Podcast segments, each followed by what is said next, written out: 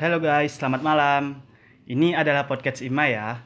Oh iya, podcast ini sebagai info pencerdasan dengan harapan memberi informasi yang mencerdaskan kita semua. Jadi, jangan lupa ya dengarkan podcast-podcast Ima selanjutnya. Oh iya, kali ini kita kedatangan tamu istimewa yang bakalan nemenin kita dalam bahas topik kita kali ini. Udah tahu belum topiknya? Belum kan? Jadi, tema podcast pertama ini marketing Gojek dalam persaingannya.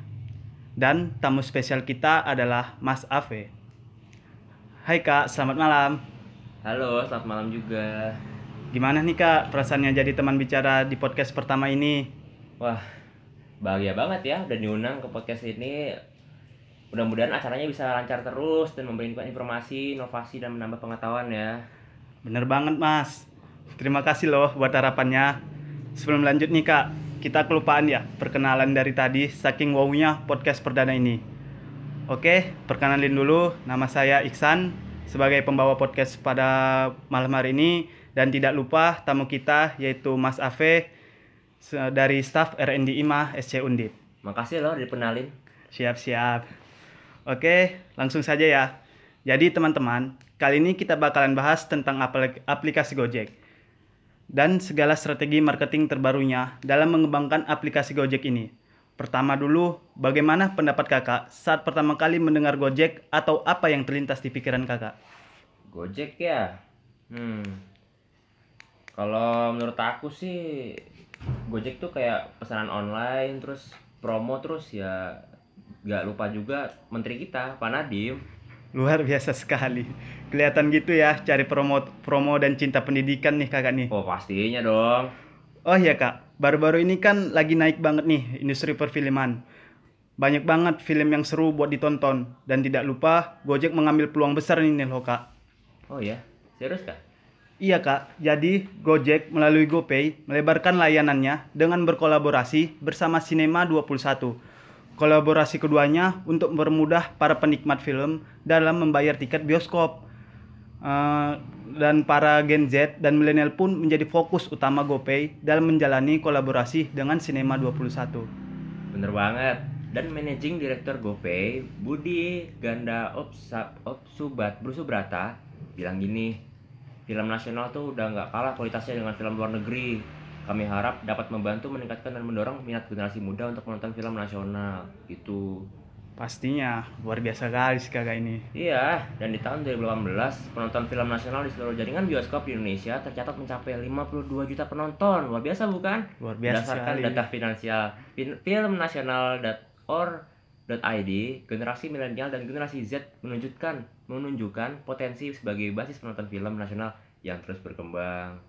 Bener banget kak. Dan data dari Pak Saiful Mujani, Research and Consulting atau SMRC, pada tahun 2019 menunjukkan bahwa 64% generasi junior milenial yaitu yang berusia 23 sampai 30 tahun dan 81% generasi Z yang berusia 15 sampai 23 tahun di Indonesia menonton film nasional.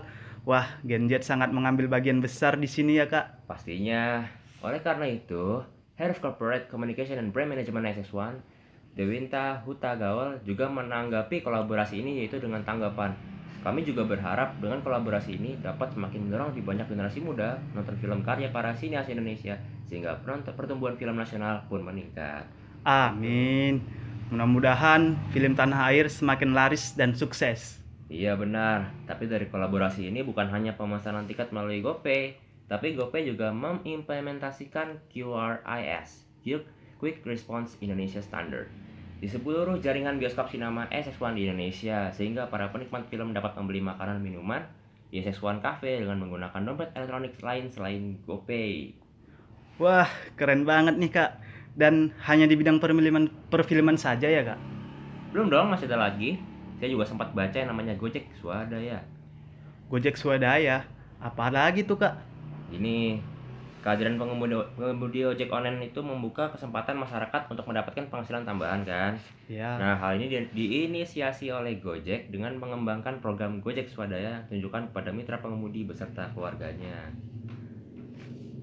Gojek Swadaya merupakan bagian dari upaya Gojek membantu keluarga mitra supaya bisa meningkatkan pendapatan melalui pelatihan peningkatan kapabilitas, kompetensi, serta potensi. Menurut Gede Manggala, VP Region Ops and Jabodetabek Gojek, pelatihan Gojek Swadaya berhasil meningkatkan pendapatan mitra sebanyak 1 hingga 4 juta tiap bulannya. Bahkan di Tasikmalaya ada yang berhasil meraih omset hingga 20 juta per bulan. Setelah mengikuti pelatihan ini, satu cara yang diterapkan Gojek Swadaya adalah mengkombinasikan metode pelatihan yang efektif serta best practices dari para ahli.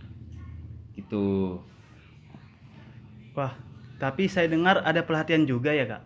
Oh ada, beragam jenis keterampilan dapat diikuti oleh keluarga mitra dalam pro program pelatihan Gojek Swadaya ini mulai dari kelas memasak, kelas memotret makanan agar terlihat menarik sehingga kelas pemasaran yang dikombinasikan dengan metode pelatihan Gojek wirausaha untuk para istri mitra pengemudi.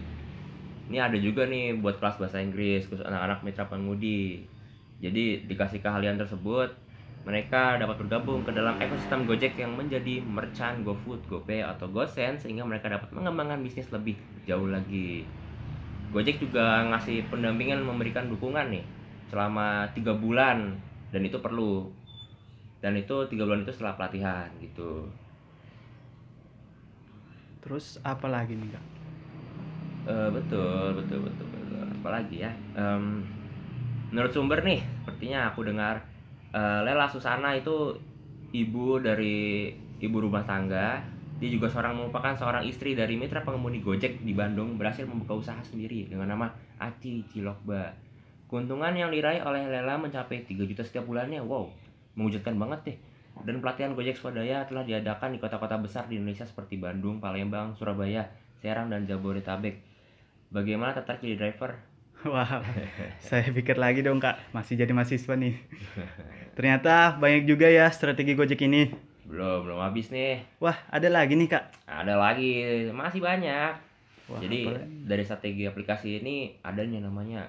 Kita kan tahu dari namanya zakat nih. Zakat kan merupakan kewajiban uh, kita sebagai muslim untuk membayar zakat setiap tahunnya. Nah, karena teknologi udah berkembang, makanya dari GoPay ini GoPay memberikan uh, sebuah kemudahan dalam bidang teknologi. Jadi GoPay mengeluarkan program yang namanya Go Zakat. Nah, dari Go Zakat ini kita bisa bayar zakat kita melalui melalui GoPay. Nah, dari GoPay ini mereka menyalurkan zakat kepada sejumlah lembaga yaitu Amil Zakat, terus ada Dompet Duafa, Global Zakat, Gria Yatim dan Duafa begitu.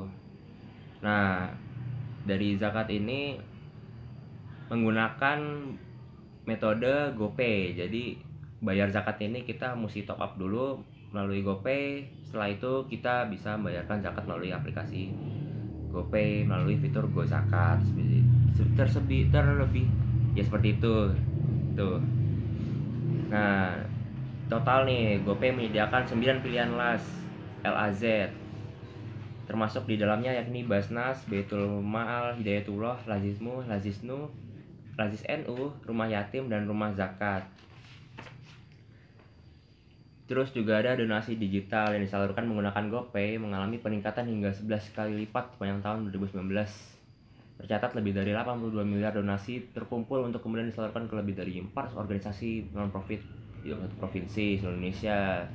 Gitu, Pak. Uh, siap, Kak. Jadi nih, Kak, dari strategi yang telah Kakak sebutkan tadi, bagaimana sih, Kak, pendapat Kakak terhadap dunia marketing sekarang? Hmm, pendapat aku sih dunia marketing sekarang ini bergantung kepada teknologi jadi kalau misalnya teknologinya udah maju tapi strategi marketing kita belum mengikuti tren dari teknologi yang ada saat ini ya susah juga perusahaan-perusahaan ini untuk menggait konsumer, menggait uh, para ibu rumah tangga untuk mencicipi dari apa yang kita sajikan melalui marketing. Seperti itu. Oh baik kak. Terima kasih kak atas infonya. Oke teman-teman, jadi itu tadi bahasan kita seputar strategi marketing Gojek. Mudah-mudahan bermanfaat dan tentunya jangan lupa ya dengarkan selalu podcast IMA SC Undip. Tunggu podcast kita selanjutnya. Saya Abdullah dan teman bincang kita Mas Ave, mohon undur diri dan terima kasih teman-teman. Sampai jumpa. baca terus